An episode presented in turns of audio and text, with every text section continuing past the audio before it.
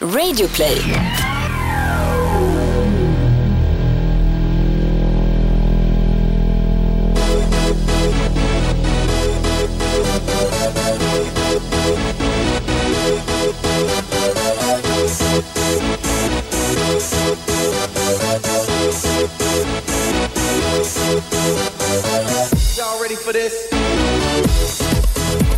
Vi hoppas att eh, alla har haft en riktigt god jul.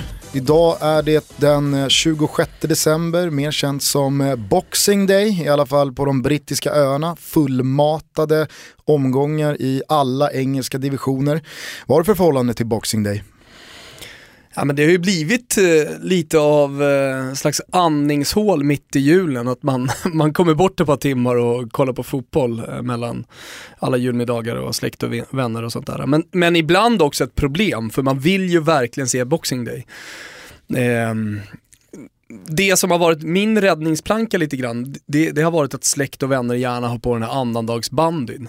Då kan jag smyga iväg och, och köra Boxing Day. Det är inte lika hett med Baltic-Göta mot eh, Vetlanda. Nej. Sen, sen kommer jag, jag måste säga det, jag kommer från en väldigt idrottsintresserad familj och eh, fotbollen har i mångt och mycket, precis som din vet jag Gusten, stått i centrum i, eh, i liksom min familjs liv också. Och är, brukar ju ofta sammanfalla då med högtiderna. Att det Mm. alltid finns någon sport att peta in i agendan också. Ja men precis, det är eh, från eh, Kan du vissla Matilda, eller Amanda? Det är Johanna. Det är Johanna! Eh, Päron till farsa fira jul har väl blivit eh, en modern klassiker. Men, men det slår, ingenting slår ju såklart Boxing Day. Det, det är ju någonting speciellt också, jag tycker det känns eh, på, på arenorna, att det är lite extra taggat. Kanske att man då har druckit sin äggtoddy, tagit en extra snaps och några extra pint. Fint är det i alla fall, eh, men eh, det om det. Vi tänkte ta tillfället i akt att eh, årets sista kalendervecka bränna av vad vi har valt att kalla Toto Balutto Awards. Vi ska dela ut en herrans massa priser i olika kategorier som du och jag helt fritt har knåpat ihop. Vissa kategorier har bara en vinnare.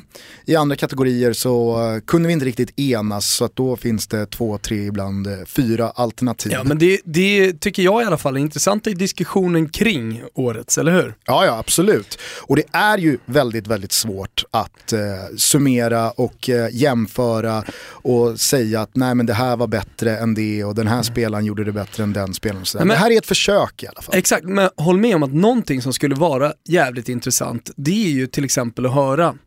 Bragdguldjuryn sitta och diskutera. Gör det till en podd på två timmar så man får höra liksom hur, hur tankegångarna har, har, har snurrat i, i rummet, eller hur? Ja, ja, ab- absolut. Och, och det är väl lite det här då som vi gör nu. Ja, eh, det är vår ambition i alla fall. Sen så kan vi väl redan nu säga att vi kommer ha glömt spelare och händelser och incidenter. Men då är det ju bara att eh, mejla oss på totobalutto.gmail.com eller på något sätt få tag på oss via sociala medier. Så kan man fylla på med saker som Eh, man tycker att vi har missat. Absolut, eh, kör på bara och ja, men luta tillbaka denna boxing day och eh, ja, men, kanske njut av surret va? Känslan är att eh, avsnittet kommer bli så pass långt att eh, våran underbara producent Kim Wirsén kommer behöva dela upp det och släppa del två då om några dagar. Och sen så påminner vi er om igen då, då att eh, Erik Niva gästar oss i 2017 års första avsnitt och där ska vi summera året 2016 i lite mer krönikaform, diskutera de stora händelserna och se vad du och han eh, minns eh, bäst. Så att eh, Kim, rulla igång någon eh, pampig musik så sparkar vi igång Toto Balutto Awards.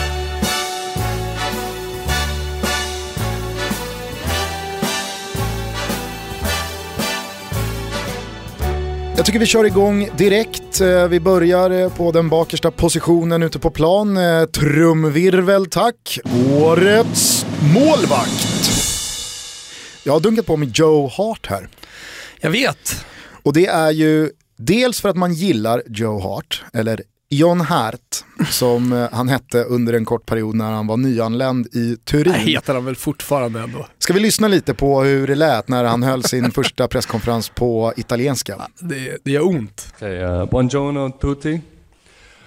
Eh, grazie per essere venuti così in tanti alla mia presentazione. Sto studiando italiano. Oggi imparate le parole che mi servono quando gioco.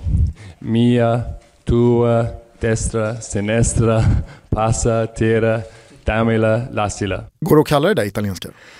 Knappt alltså. Det är, det är inte ens grundkurs. Han, han har ju bara bokstäver framför sig som är ihopsatta och, och ja, så försöker göra sitt bästa. Han har ju inte ens, jag vet inte, några veckors italienska plugg bakom sig.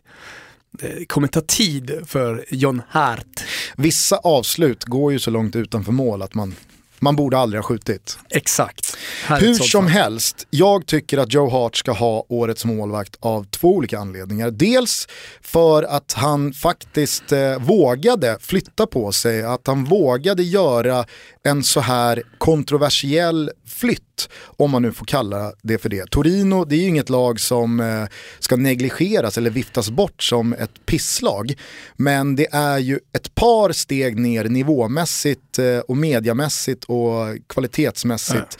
Från Manchester City och Premier League och toppstrider eh, om ligatiteln. Därför tyckte jag det var så jävla fräscht när Pep Guardiola valde att ta in Raúl Bravo och Joe Hart då känner att nej men då flyttar jag och jag flyttar gärna till en liga utomlands där jag får spela och där jag får vara nummer ett och där jag kan ta ett äventyr. Ja, för det, det är väl det det handlar om. Ja, det, det, är väl det det handlar om. Eh, du, du, vet, de la upp alla kort på bordet precis som man gör, vad för alternativ, det var säkert en del Premier League-klubbar där.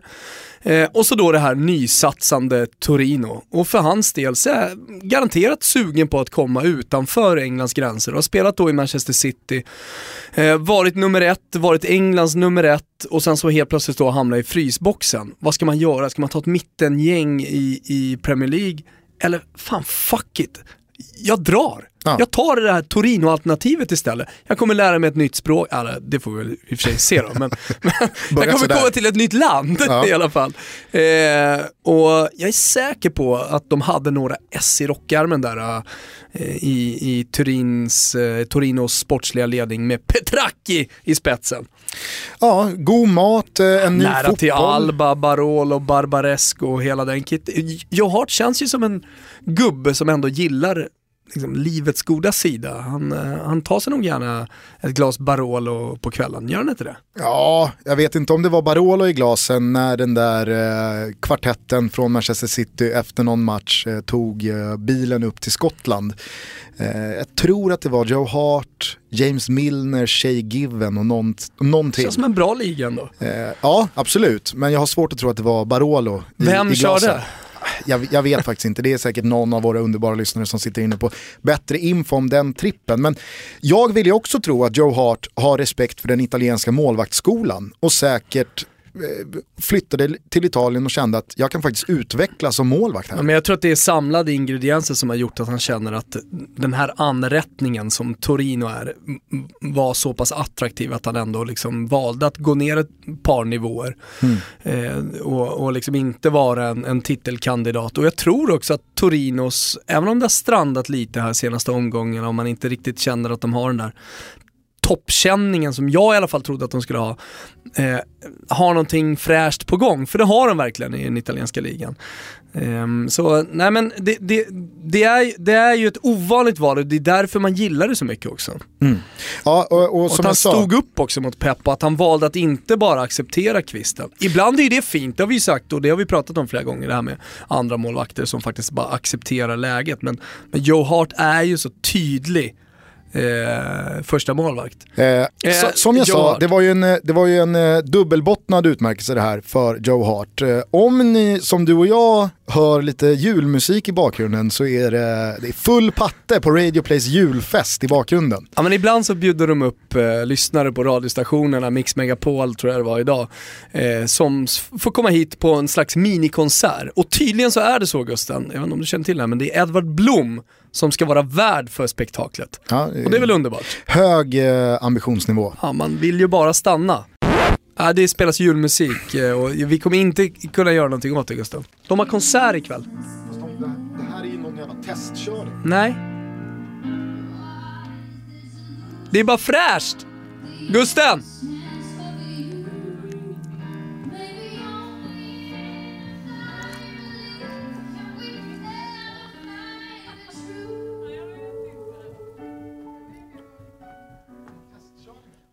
Fan, gå in i Danny Saucedos soundcheck och liksom bara, hej vi poddar Toto här. Okej. Ja. Den andra botten här bara, för att sy ihop eh, varför Joe Hart tilldelas årets målvakt, i alla fall från min sida. Det är ju att den här transfern tycker jag får symbolisera den hets kring att målvakter värvas på grund av deras färdigheter med fötterna i alldeles för hög utsträckning. Det har gått för långt nu. Raúl Bravo plockades ju in till Manchester City där den stora anledningen var att han är så fantastiskt bra på fötterna. Och det, det, det har gått ett steg för långt. Jag gillar väldigt mycket med Pep Guardiola, jag gillar att han eh, verkligen pushar gränserna, men målvakter måste, de måste bedömas utifrån sina färdigheter att rädda bollarna, till att börja med. Ja, helt klart. Eh, Sen, Så jag är team Joe Hart här. ja, jag är också team Joe Hart, eh, annars hade jag inte hållit med om den här utmärkelsen. Eh, Det är klart att med den liksom, sättet man spelar fotboll på idag så, så är det viktigare. En gång i tiden fick du till och med plocka upp bollarna. När jag, när jag växte upp och började spela elvamanna så var det fortfarande så. Vill minnas att Malmö FF kritiserades ganska ofta för att de spelade hem till målvakten som tog upp den, sent 80-tal. Idag så har jag ju svårt att förstå hur lag misslyckades med att maska bort tiden. Och maska bort ledningar till vinstboll. med Verkligen. 25 minuter kvar. Det var det, lägg hem den så tar målvakten upp det och så börjar man om igen. Det måste vara hur lätt som helst att maska bort fan, halvtimmar. Ja. Eh, Nej, men eh, så är det. Sen skulle jag bara kort säga om, om målvakter, om man, ska, om man ska ha en diskussion kring vem som är bäst målvakt just nu. Innan jul så skrev jag en lista, jag gjorde en lista på höstens spelare. Och eh, då, ja, men vissa, vissa var ju solklara, eh, men jag ville ha med en målvakt, för det är flera målvakter som har gjort det bra. Eh, det blev svårt för det finns ingen tydlig nummer ett. Det var ett tag som eh, tidigt där Gigi Buffon var en tydlig nummer ett och sen var det ett tag där eh, Casillas var nummer ett. Det var ett tag där Manuel Neuer var nummer ett. Eh, och nu har vi hamnat i ett läge där vi har då var Kurt- Peter Käck högst uppe på tronen någon gång? kan ha varit så att han var den under någon säsong kanske, men eh, det var väl mot Casillas där kanske. Eh, hur som helst, eh, så idag har vi Courtois, vi har de Gea, vi har Buffon, vi har Oblak, vi har Neuer. Eh, som, som tävlar lite mot varandra. Men i den här topp 10-listan i alla fall så hade jag med eh, Gigi Buffon. För att jag tycker ändå att han är den spelaren som gör störst skillnad för sitt lag. Alltså, dels har han varit helt fläckfri under hösten och det handlar inte bara om att Juventus har varit överlägsna i Serie A utan eh, han, har verkligen stått för avgörande räddningar och han, han, han har tjänat in poäng på egen hand till Juventus. Det är så Innan jag ser på någon det. sitter och biter sig i läppen här och vill rätta dig så, så ska vi väl bara för protokollets skull säga att vi, vi minns också blunden han gör mot Spanien i eh, VM-kvalet. Det är ju höstens eh, stora groda från Buffon, men också Absolut, den enda. Absolut, och det var ju VM-kval. Det här, eh, den här listan var enkom baserad på klubbfotbollen. Ja, jag säger bara att vi har koll på den. Vi har, vi har järnkoll på den. Så, så, ja men jag landade i Buffon, så om ni ändå då hade förväntat er att vi skulle då dela ut eh, den här, alltså awardsen till eh, de absolut bästa, så kanske inte riktigt kommer bli. Nej, nej. Men det jag- har vi, också, jag det har vi också koll på att Joe Hart Ja. är ju inte världens bästa målvakt. Nej, men där handlar det om årets och Exakt. det är våra egna premisser. Eh, och sen eh, så måste man ju, och man vill ju alltid ge ett hedersomnämnande till vår husmålvakt Boy Waterman. Apoel Nicosias holländske målvakt Boy Waterman är ju, som du har eh, valt att nominera honom, eller eh, ja, du har bara skrivit ständigt aktuell. Exakt. Man behöver inte säga så mycket mer. Nej, så är det. Vi går vidare. Årets genombrott. Här finns det ju lite att ta av. Absolut. Eh, om vi håller oss till eh, Sverige så tycker jag att eh, det är en odiskutabel seger för Alexander Isak. Ja, det tycker jag också. Sen så kan Malmö FF och de som vurmar kring Svanberg absolut höja sina röster. Men eh, det, det, det, i min värld så är det inte så mycket att diskutera. Alexander Isak har stått för ett genombrott i år som egentligen saknar motstycke. För om man jämför då med till exempel Zlatan så skedde ju det lite mera pö om pö. Han kom fram i allsvenskan, de åkte ur, sen så var det ju lite upp och ner under den där säsongen i superettan. Eh, och han gjorde en vår i allsvenskan. Och sen gick det ju inte, det gick ju inte superbra första tiden i Ajax heller. Alexander Isak, han har ju gått från att vara nobody verkligen, till en av allsvenskans faktiskt bästa spelare. Det har ju blivit nästan som en sanning nu för tiden att eh, om man går till Holland och, och Belgien så, så stannar man lite där. Eh, det som skulle vara, eller det som var någon slags språngbräda ut i Europa till de större klubbarna eh, har snarare blivit att man då eh, stannar till där. Var Zlatan en av de sista som stannade i, i, Holland, eller vad säger jag, som, som fick den här stora språngbrädan från Holland? Ja, det får man väl äh, faktiskt säga. Toivonen, jag vet inte, han, han har inte gjort någon jättesprångbräda. Nej, Uh, nej men det är väl, uh, alltså, Sam någon, någon, som personifierar uh, liksom magplasket var ju Afonso Alves. Han gick ju till mm. Holland, var superbra i Eredivisie. Sen så gick han ju till Premier League och mm. Middlesbrough. Man ser och var riktigt... ju en av de större flopparna man har sett. Ja, man ser ju inte riktigt Simon Tibbling växa, växla upp och, och liksom ta ett stort kliv ut till, till en till en mittenklubb i en, i en stor liga, än så länge i alla fall. John Guidetti hamnade i Holland på lån, mm. så att eh, lite språngbräda Där, på Guidetti Det hade ju kunnat blivit en betydligt större språngbräda om det inte hade varit så att den här skadan kom. Eller bakterien eller vad vi ska Eller vad det, nu var. vad det nu var. Vi får väl se om utrikeskorrespondentens brorsa eh, skaka liv i traditionen mm. om eh, Holland som språngbräda. Mm. Vad det lider. Alexander Men, eh, Isak eh, på svensk mark. Om vi kollar på internationell mark så tycker jag absolut att vi har Gigi Don Donnarumma där. Eh, när man pratar om Alexander Isak så måste man ju ändå liksom lägga in värdet. Jag menar du och jag, folk som lyssnar på det här kan ju tycka att eh, någon, annan, någon annan av de svenska talangerna Eh, är bättre och liksom har en större framtid att, eh, att möta. Men när man kokar ner det och liksom kollar på värdet då på spelarna, för det är ju trots allt fotbolls-Europas dom. Fotbolls-Europa och då är det scouter och sportchefer och klubbledningar och så vidare. Gemensamt agenter som har bestämt att den här spelaren är värd så här mycket, marknaden styr. Eh, då är det ingen som kommer nära Alexander Isak. Och detsamma gäller ju, om vi pratar nu om genombrott, detsamma gäller ju Gigi Donnarumma som är en Milan-fostrad, precis som Alexander Isak är, är AIK-fostrad så är Donnarumma Milan-fostrad, kommer upp, kostar ingenting. Och numera pratar man ju om summor, ja men över miljarden på honom. Mm.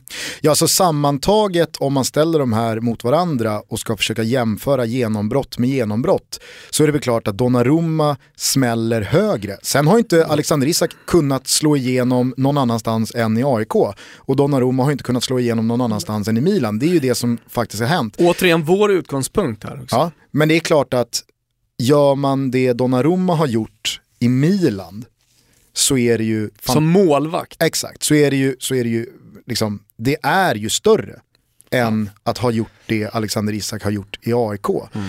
Eh, för att den pressen som finns, det motståndet han möter, den nivån av målvakter som Milan faktiskt kan köpa in, det gör ju Donnarummas insats ännu mer imponerande. Ja, och han fick ju faktiskt chansen, eh, det ska också sägas, redan 2015 när eh, Mihailovic tränade i Milan. Och där ska, ju ha, där ska ju serben ha en fjäder i hatten verkligen som, som gav Donnarumma chansen. För jag menar det hade kunnat gått åt helvete också, han hade kunnat bränt honom och, och, och allt det där.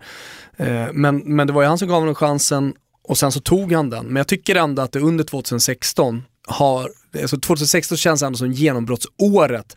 För det är då han har bekräftat att han har på den här stora scenen att göra. Ja, ja, definitivt så är ju 2016 Donnarummas första år i gamet. Ja, det är det inte är 2015. Nej, men så vart ger vi den då? Eller du kanske vill ge den till eh, alltså, du, du har väl något hederspris här eller? Nej men vi har ju bollat upp lite alternativ. Jag ser här i våra papper att det står Mattias Concha som sportchef. Han har ju virvlat in i superettan med Öster och verkligen han inte kör. legat på latsidan. Han eh, plockar ju eh, russin ur kakan så det står härliga till. Och vi hade ju med oss Concha för någon månad sedan Mm. och har ju kontakt med honom eh, kontinuerligt och känslan är ju verkligen att han har hittat helt rätt. Det är det han ska göra, för han har ju testat på lite olika saker då efter karriären. Det var inte så länge sedan han slutade, men han, han berättade ju i programmet här att han har eh, varit agent och framförallt då sökt i Sydamerika och i Chile där han har mycket kontakter. Och han har varit på Discovery tillsammans med oss, vi har jobbat mycket med honom som expert. Vi vet hur mycket fotboll han kan, eh, har levt nära honom och jobbat med honom. Och sen då, liksom, när han landade i öster och inledde det här äventyret och när man pratar med honom nu så känns det som att han vuxit in i en väldigt stor kostym på väldigt kort tid och nu sitter den bara perfekt på honom. Ja, Skräddarsydd. Men det är faktiskt ett fjärde alternativ här som nog seglar förbi eh, samtliga. Nej. Som seglar förbi Isak Donnarumma och Concha. Har vi en vinnare? dem bakom. Ja, jag tycker ändå att årets genombrott 2016 med besked går till Noah Bachner. Pojken med guldbyxorna på Expressen. Eh, brasklapp, mm, liksom likt Donnarumma så gjorde han ju sina första framträdanden eh, under 2015 i det stora ljuset. Men det är ju 2016 han verkligen har växlat upp. Det var ju då Mino Raiola historien utspelade sig. Ja, Mino Raiola, den kom ju där 2015. Ja. Eh, och han eh, krusade nog många horisonter för första gången. Eh, I år så har ju Noah tagit steg eh, in i Simors allsvenska studio. Han eh, har ju passerat dig med råge i hierarkin hos Expressen. eh, han stod ju för ett helt fantastiskt EM, måste man ju säga, rent eh, Han slaktade rent. Ja. Och, Jag minns när Hasse Backe ringde mig, har vi pratat om det här tidigare? nej. Hasse Backe ringde mig eh, ja, men sådär mitt i, efter en Sverige-match, kan ha varit efter eh, Italien. Eh, kan ha varit efter Belgien. Men hur som helst, eh, det handlade om att eh, Sverige inte hade några kartor och sen, ja nu, ska jag verkligen inte liksom, återberätta den här texten. Det var en jävligt grym text i alla fall och Hasse Backe kände för att ringa upp för han ville ha numret till Noah och berätta för honom att, hur, hur mycket han och hans gäng som var nere i Frankrike uppskattade texten. För han sa att det var precis så vi, vi tänkte. Och jag menar, det där, det här med att liksom hitta metaforer och att liksom väva in saker och ting i, i, i ett fint språk, det är ändå ganska många som kan det. Men att det faktiskt ska bli relevant och någonting konkret och att man verkligen ska känna, man ska känna att han är, att, just det att, att han är spot on i krönikan, det tycker jag han visade under EM. Mm. Ja, eh, jag lyfter på alla hattar Vinner jag har. Bachner-gubben här eller? Ja, jag tror nog ändå att vi får enas kring det. Ja. Eh, Vill du påminna igen hur, om, eh, våra lyssnare om hur Noah Bachner kom in i den här branschen? Nej, jag vet inte om det är så mycket att påminna om, har vi pratat om det förut? Nej, jag vet inte. Nej, men eh, du Det är ju tack vare oss. Ja, det är, Det är ganska tack så pang oss. på. Eh, men absolut, vi, vi, vi hjälpte ju till. Eh, Alltså, sen- vi fick honom in i den här branschen Gusten. Ja. Behöver inte vara så ödmjuk. Nej, men okej. Eh, det fick vi. Ja. Jag tycker i alla fall att om man eh, har missat Noah Bachner så följ honom, läs honom, konsumera honom på ett eller annat sätt. Ni kommer inte bli besvikna. Nej. Årets genombrott, Noah Bachner. Han brädar alltså Alexander Isak, Gigi Donnarumma och Concha-gubben. Ja, det är starkt. Årets tränare. Spännande kategori här. Eh, om vi börjar med ett alternativ som seglade upp sist eh, så står det Olof Mellberg här. Det var ju väldigt många Hur ska som... du eh, få till det här då? Nej, men jag säger bara att han, eh, det, det är väl kul att resonera lite, tänka Mm. högt. Vi kan väl avslöja att han inte kommer vinna. Men eh, Olof Mellberg gjorde ju verkligen en helomvändning. Få hade nog trott att han så tidigt efter avslutad karriär skulle ge sig in i tränarbanan och ännu färre kan nog ha anat att eh, hans första uppdrag skulle vara ett Brommapojkarna som hade tagit hissen genom superettan och nu skulle göra sin första säsong i norrettan på hur länge som helst. Men eh, det var det uppdraget han tog och han tog det ju med den äran, förde dem tillbaka till superettan. Och ja, jag vet inte riktigt eh, vad man har att förvänta sig av Olof Mellbergs framtid som tränare. Känslan är i alla fall att han har en sund inställning till det och han verkar inte ha speciellt bråttom. Jag tror att Mellberg kan bli en väldigt bra tränare och jag tror att eh, han gör helt rätt i att stanna i BP i minst eh, ett par säsonger till. För det, det, det är en eh, väldigt tacksam... Ja, men det är väldigt tacksam skola att gå i och lära sig i sett till att det inte finns speciellt hårt tryck från supportrarna.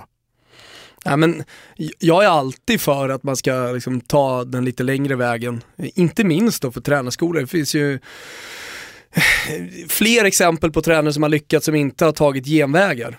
Jag, man, man, man, kan ju säga liksom att Henke Larsson kanske då gick den lite längre vägen i och med att han ändå började i Superettan. Men att det ändå kanske gick lite för fort. Ja, och sen är det ju alltid lätt med facit i hand. Eh, men eh, det var ju samma typ av väg Henke ändå började vandra när han då tog Landskrona Boys och sen eh, hade Falkenberg innan han hamnade i Helsingborg. Men nu, efter det som skedde under den här säsongen, så är det ju klart att det, det är ju eh, det är svårt att säga att vad bra det blev. För det blev det ju inte. Eh, men jag tycker att Mellberg känns jävligt spännande och det känns som att han, eh, han har koll på vad han gör. Så att, eh, jag ville bara nämna honom och bolla upp honom i diskussionen. Däremot så vinner han ju inte. Nej, det, det, gör han inte. Jag trodde du skulle nämna mig här som årets tränare Gustav. Mm -hmm. Jag har ju klivit in i Rönninges flickor 09 och tagit över. Ja, du har ju fått småkänning att kalla dig Mister. Ja, jag vet inte vad jag lyckas med mer. Det kanske återstår att se. Vi vann ju den där viktiga matchen, just det, mot uh, IFK Lidingö i första kuppen som jag coachade. Mm. Det måste man ändå säga är en ganska stor skalp.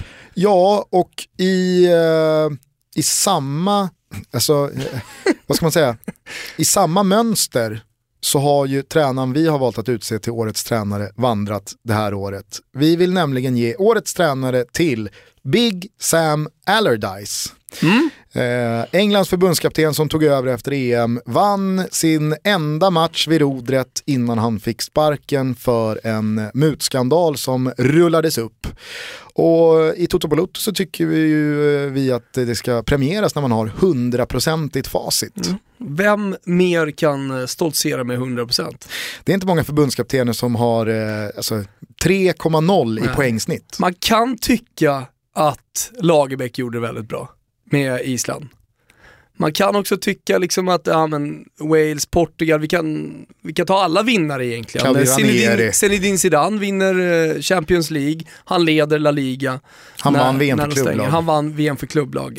Ranieri tog Leicester från botten till toppen.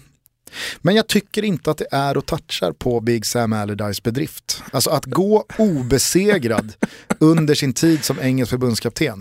Det är eh, fan i mig helt otroligt. Big up! Big up på Sam! Årets mittfältare. Oj, här finns det ju många alternativ Gusten. Ja, och egentligen så känns alla alternativ lika dåliga, lika svala. Det är det som är problemet va? Mittfältare har ju tyvärr blivit ett folkslag som på liksom många olika sätt mer och mer är väldigt slätstrukna. Ja, jag kommer ihåg första matchen i EM som jag var på live. Då kronikerade jag Turkiet mot Kroatien. Och jag vill minnas att jag hängde upp, hängde upp mig väldigt mycket kring Modric och, och mm, trodde väldigt mycket på honom och efter att ha sett den här matchen att fan, det, det kanske ska bli hans sommar, det kanske är han som tar Kroatien hela vägen till en final. Um, men han levde inte upp. Alltså precis som många andra, så, många andra bra mittfältare så, så, så har det liksom varit en säsong eller ett år då som har gått väldigt mycket berg och dalbana. Alltså kolla bara på Paul Pogba som, eh, om han hade gjort en fin, eller bara motsvarat förväntningarna, hade varit ett alternativ till årets mittfältare. Men där kom han från då en, en jättefin säsongsavslutning med eh, Juventus, ett EM där man nästan krävde, om man, om man nu ska bli årets mittfältare och heter Paul Pogba, i Toto Balotto ska gå hela vägen och vara den som bär laget också. Eh, men där börjar det gå ner lite och i Manchester United så har han ju fortfarande inte hittat rätt till 100%. Nej, samtidigt så är det ju inte genomgående topprestationer som behöver rendera i en Toto Balotto Award. Eh, alla kan inte vara på Big Sams nivå. Men eh, det finns ju några spelare som vi eh, också vill lyfta i det här sammanhanget. Hatem Benarfa har ju legat oss varmt om hjärtat den senaste tiden, eller i alla fall i våras, när han eh, med sitt Niss gjorde comeback på den stora scenen, visade att han fortfarande hade det. Sen så var det ju många som hoppades på eh, att han även skulle få en ny chans i landslaget, så blev det inte. Istället så gick han ju under uppmärksammade former då till PSG där det har skitit sig rejält under eh, hösten. Han har inte fått speciellt mycket speltid och det känns lite som att han håller på att eh, tappa bort sig själv igen. Ja, det är väl, han kan väl inte komma tillbaka till eh, något storlag igen om han inte lyckas i PSG? Nej, så är det. Misstänker Men vi, eh, vi förtrollades ju av Ben Arfa i våras. Mm, han är ju en fantastisk fotbollsspelare. Och vi har ju väldigt bra minne här i Toto Balotto. Så är det. En spelare som eh, dock kanske lyfter den här eh, pokalen till slut är AIK Atens eh, svenska mittfältare Jakob Johansson.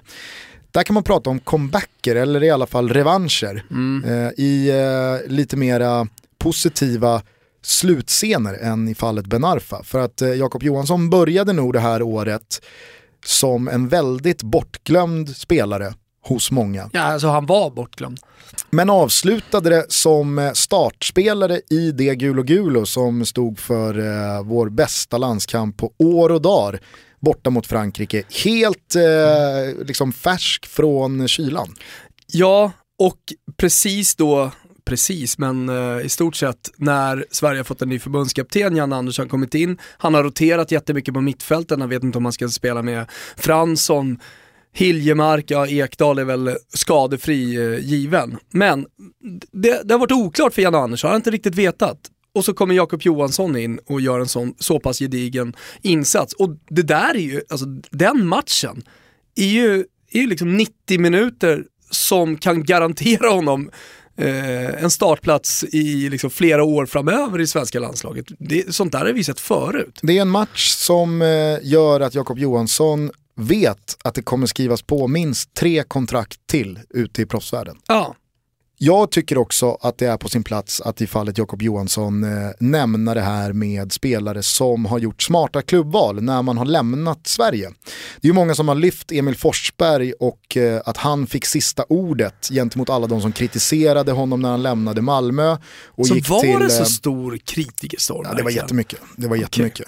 Sen så hängde ju det såklart ihop med För att jag många... minns bara att jag skrev texter eh, när, när han lämnade som var positiva. Ja. Menade på att det, det här kommer att bli bra. För jag visste vilken satsning som Red Bull höll, eh, höll på med. Jag visste att det skulle bli Bundesliga snart. Och vad gillar jag Gusten? När man gör sin gavetta, Mm. när man tar en lite längre vandring. Precis, sen så ska det väl sägas också då att eh, mycket av kritiken bottnade ju i att eh, liksom Leipzig inte är en klubb som många gillar. Eh, så det fick han ju en släng av sleven i också. Men det var ju väldigt många som var kritiska till att hur kan man lämna ett SM-guldvinnande Malmö FF som spelar i Champions League för att gå till Zweite Bundesliga? Vad håller han på med? Tänker han inte klart? Och nu, två år senare, Just det, nu minns jag att jag hamnade i polemik kring det här. Ja. Ja. Just det. två år senare så är det nog ingen Det är mig som... de ska be om ursäkt till hörru Gustav, det är mig! Använd totobalutta.gmail.com, be om ursäkt, minns alla ni som kritiserade mig. Eller bara använd hashtaggen totobalutto. Jag tycker då, för att eh, efter Emil Forsberg så är det ju många Kryp som fram! har gjort den här, alltså Ponne upplever ju nu eh, sitt, eh, liksom, sin, sin, sina livsdagar i en andra division och kommer säkert nå Premier League och fira stora triumfer, om än med Om Leeds han eller vill några andra. så går han ju till Premier League Ja. i sommar oavsett vad som händer med Så det är ju många som har visat att den här vandringen via en andra division är eh, en bra väg att gå. Och där var Jakob Johansson först. Han gjorde sin analys att AIK är en slumrande jätte som snart kommer komma tillbaka till toppen av den grekiska fotbollen. Och han fick till slut rätt. Och därför så kan han avsluta 2016. Han kan fira nyår med att veta att han är Toto Baluttos årets mittfältare. Årets mest väntade. Här är ju väldigt lätt eh, att plocka Juventus, Bayern München, PSG. FC De- Köpenhamn. FC Köpenhamn. Malmö FF, för all del. Jag tror jag skrev någonstans i mars också, fan det känns som att jag bara står och slå, sitter här och slår mig på bröstet, Eh, det gör jag absolut inte. Men när det gäller Malmö FF så sa jag i alla fall att de skulle springa hem det här enkelt. Sen vet jag inte hur enkelt det blev, men det blev i alla fall stor stort gap ner till, till tvåan. Ehm, så släng med Malmö där då. Men, men det känns lite tråkigt eh, att, eh, att plocka då till exempel eh, ett, ett Juventus som i den italienska ligan är överlägset. Eller ett Bayern München då som egentligen inte har antagonister om man bara kollar på pappret, hur mycket pengar de tjänar och hur trupperna ser ut inför säsongen börjar. Ja, antagonister i då betydelsen reella utmanare om titeln. För att antagonister Absolut. har de ju, Ja, ja, ja. Absolut. precis som Juventus. Ja. Men eh, det är ju en polarisering i Serie A som jag inte har upplevt, tror jag, under, Nej, min, eh, under min München- livstid. Nej, nej, men det Bayern München har gjort eh, i modern tid, det är att de har liksom dränerat den tyska fotbollen på supertalanger så fort någon har kommit upp så har man eh, tagit in den personen. Mario Götze blev ju ett sånt tydligt fall eh, när, man gick, då, när han gick från eh, superkonkurrenten Borussia Dortmund till Bayern München. Eller Mats Hummels då i år eh, som har blivit en liten snackis på sociala medier efter att eh, vi pratade om honom här för några avsnitt sedan. Eh, men Mats Hummels då, alla som minns, eh, fostrade fostrad i Bayern München, spelade en A-lagsmatch och sen så gick han och gjorde tio säsonger med Borussia Dortmund. Blev en Borussia Dortmund-spelare på alla sätt, sa till och med att jag skulle minsann aldrig kunna tänka mig att gå tillbaka då till Bayern München. Hepp! Gick det ett par år och så var Mats Hummels i Bayern München då. Redan Eh, innan Götze så hade ju Bayern München också eh, snott åt sig Schalkes stora målvaktstalang Manuel Neuer. Ja. Så, så det, men, men det här är ju då eh, pågått en tid i den tyska fotbollen. Inte riktigt varit lika enkelt för Juventus att göra samma sak. Speciellt inte att plocka då nyckelspelare från direktkonkurrenterna. Och vad gör man i sommar? Jo, man plockar Pjanic från Roma och så tar man Iguain från Napoli. De två lagen som skulle utmana. Ja men det är klart att det var klart. Alltså nu pratar vi 2016-17 den här säsongen, men ändå. Juventus är ju på väg dit Bayern München redan har kommit. Och Juventus är ju dessutom också givna val för spelare som slår igenom ordentligt i de mindre klubbarna. Alltså ta då Dybala till exempel. När han då kommer fram, alla ser ju vem Dybala är, alla ser hur bra han är. Men Dybala vill ju bara till Juventus. Han vill Alla inte... vill till Juventus. Jo, men det är det jag menar att eh, där, alltså, det hade ju varit ett steg upp, eller ett par steg upp för Dybala att gå till Roma, eller Inter, eller Napoli, eller Milan. Men, Alla lag hade varit ett steg upp från det Palermo. Jo, jo, men du förstår vad jag menar. Ja, ja. Där är Juventus också ohotade. Inte ens eh, spelarna hos de mindre klubbarna kan de andra klubbarna vara med och hota Juventus om, om nu Juventus vill ha spelaren i fråga. En, en eh, årets väntare som jag kom på bara så här på uppstuds som vi inte riktigt eh, har pratat om, det är ju Zlatan Ibrahimovic till Manchester United. Det, det spekulerades ju i april, början på maj om ligaval, skulle han liksom stanna i den europeiska, topp, europeiska toppfotbollen eller skulle han då eh, ta sig till Kina, eventuellt till eh, USA. Det var ju snacket i början. Men sen stod det ju ganska klart tidigt att Zlatan Ibrahimovic skulle välja Manchester United. Så när det officiella beskedet kom, Från Zlatan. exakt, från Zlatan, d- då var det ju redan officiellt. Det här är ju ganska vanligt nu för tiden, men, men att det, det hade varit det under en så lång tid. Du minns presskonferenserna inför EM. Ja. Allting handlade om Zlatans nästa klubbval. Eh, trots att det liksom stundade ett EM så skulle han sitta där och svara på frågorna. Och han själv bjöd ju upp till den här showen, han själv var ju med på det här. Och spektaklet och säga, för, för jag menar, då fick han ju ännu mer upp, uppmärksamhet kring sin person och kring den här flytten. Vilket såklart gynnar honom och Manchester United någonstans i, i någon slutända. Jag vill eh, också bara nämna i kategorin årets mest väntade att eh, Walter Sabatini, Romas förre sportchef, hans värvning av eh, Thomas Vermaelen, att den inte skulle slå väl ut, det visste alla. Det kunde alla... Visste Sabatini det också? Alltså Walter Sabatini var nog den enda personen i världen som inte fattade det. Eh, Thomas Vermaelen minns ju väldigt många från eh, Arsenal, där spelade han ju faktiskt fotboll. Eh, och sen så under märkliga omständigheter så hamnade han hux flux i Barcelona. Har väl på sin meritlista titlar som få andra fotbollsspelare har, men han har väl sammanlagt eh, figurerat i ungefär fyra matcher under de här säsongerna hos Barca. Skadad jämt och när han väl spelade så var han ju riktigt dålig. Ändå så skulle Roma plocka in den här väldigt skadeförföljda mittbacken. Det första han gör är att skicka ut Roma ur eh, Champions League-kvalet. Eh, sen så skadar han sig är borta ett tag. Man tänker att ah, ja, fan, nu, nu, så länge han är skadad. Nu är det lugnt kring Ferman i alla fall. Så länge han är skadad så är, så är, det, så är det positivt. Kommer ju tillbaks, en av de första träningarna han gör, då saxar han ju ner Mohamed Salah. Kanske lagets bästa spelare. Ja. Och eh, ja, skadar honom. Det är det Thomas Vermaelen har uträttat under sin höst i Roma och det var hundraprocentigt väntat. Så årets mest väntade ger vi till Thomas Vermaelen och hans riktigt usla tid i Roma. Årets mest oväntade.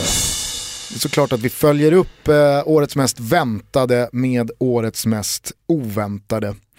Eh, Här finns det väl bara en spelare som kan vinna?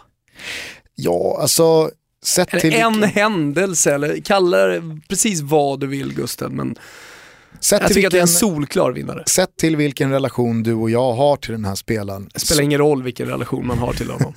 har man någon gång sett honom spela fotboll Exakt. så ska inte det här gå. Men vi går inte dit direkt, hör du. Nej, eh, det var en eh, sen natt i eh, början av november som eh, blev en väldigt, väldigt uppmärksammad eh, kväll på den svenska fotbollshimlen under 2016. Och det hade nog ingen kunnat tro att eh, en av de sakerna som skulle sticka ut från det svenska fotbollsåret 2016, att det skulle vara en kvalmatch till division 1 norra mellan Karlbergs BK och IFK Luleå. Men så blev det. Mm, för Luleås del handlar det om att kvala sig kvar i eh, division 1 norra och för Karlberg då att kvala sig upp till en serie som man någonstans egentligen inte ville till. För eh, jag vet inte hur officiellt det är men de hade egentligen inte råd att ta sig upp till division 1 norra. Med, det, det, det är ju den svåraste, dyraste serien att vara i relativt sett. Ja, det hade ju blivit Pyrrhus-segrarnas mamma.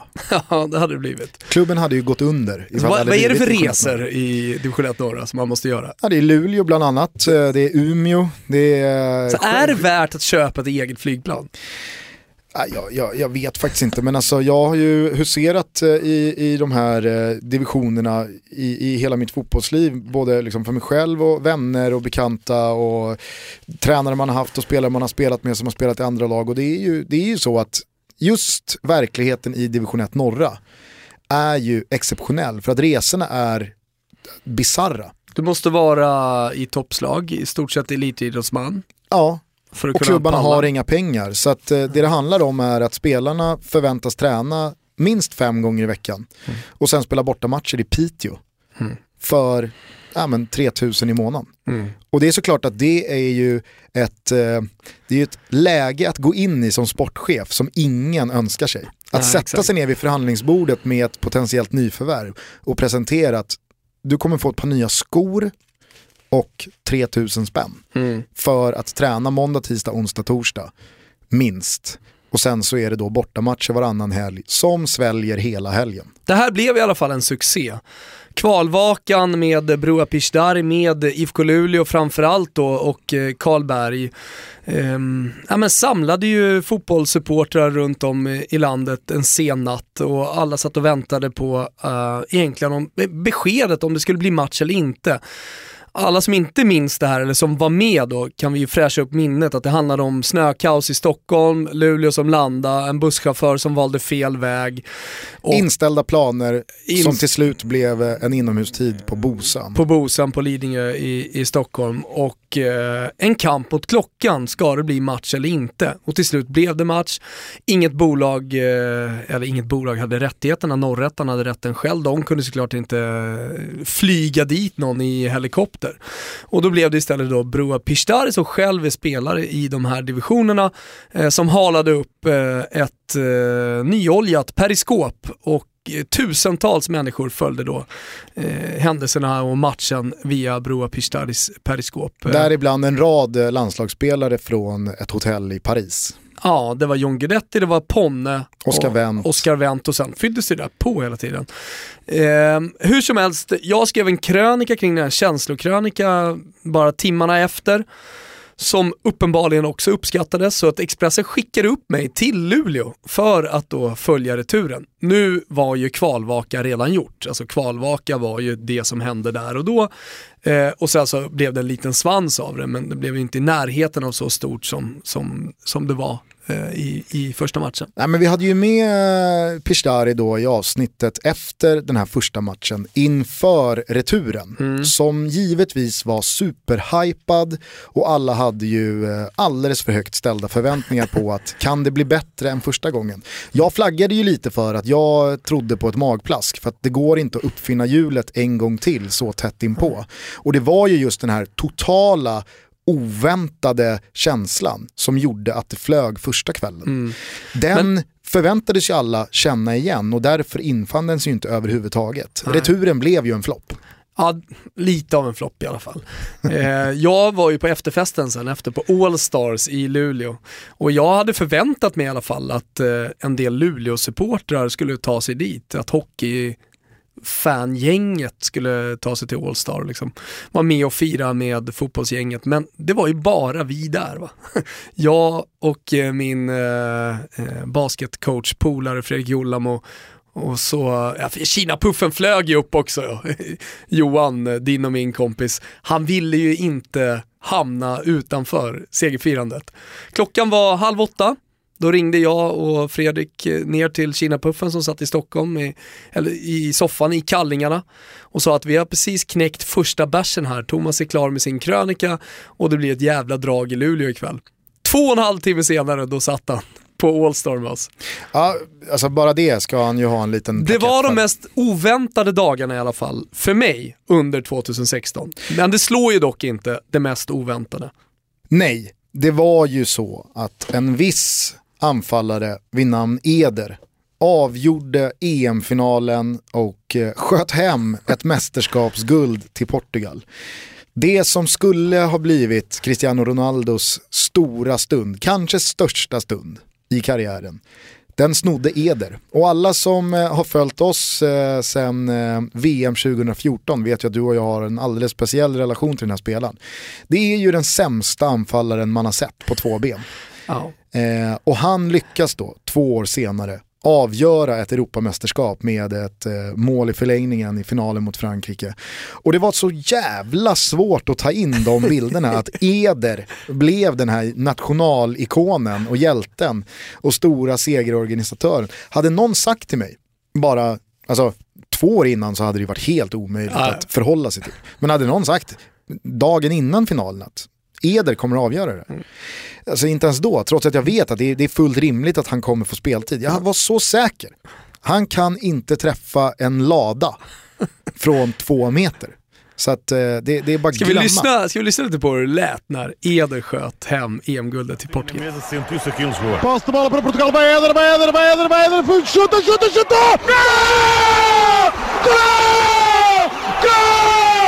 Goal!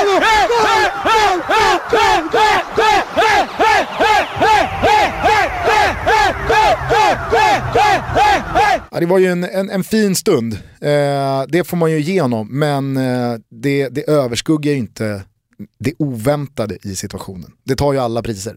Ja, det gör det verkligen. Årets succé!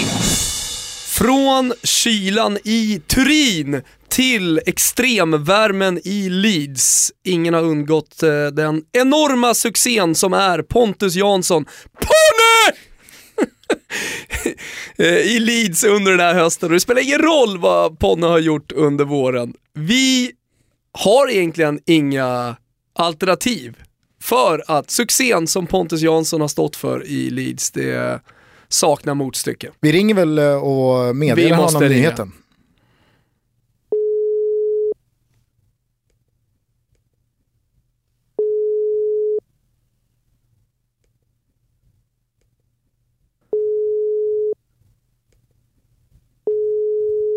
Jävla pyspunka. Ja, det där eh, var en eh, stilstudie i eh, hur man bygger upp ett crescendo på ett avsnitt eh, men får eh, tänka om när eh, någon inte svarar i telefon. Eh, vi säger väl så att vi hörs igen om några dagar. Då avslutar vi Toto Balutto Awards. Eh, då ska det delas ut eh, priser i kategorin Årets försvarare, Årets tränare, Årets lejondöd ser man fram emot.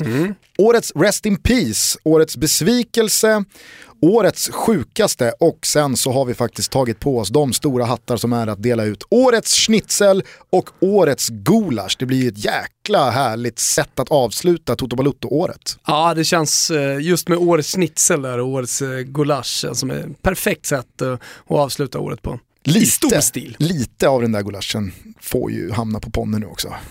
När han, Han när han får- väljer att inte Han får svara. en slev. Han är ju dessutom i Arlöv. Ja, fy fan. Ja. Fy fan. Hörni, eh, jag tycker att eh, vi helt enkelt gör så att eh, superproducenten Kim Wirsén rullar igång den där härligt pampiga låten igen och så säger vi på återhörande igen om några dagar. Då tar vi 2016 i mål. Det gör vi! Ciao! Ciao tutti! Start spreading the news. I'm leaving today. I want to be a part of it. New York, New York. These vagabond shoes are longing to stray right through the very heart of it. New York, New York. I want to wake up in a city that doesn't sleep and find I'm king of the hill.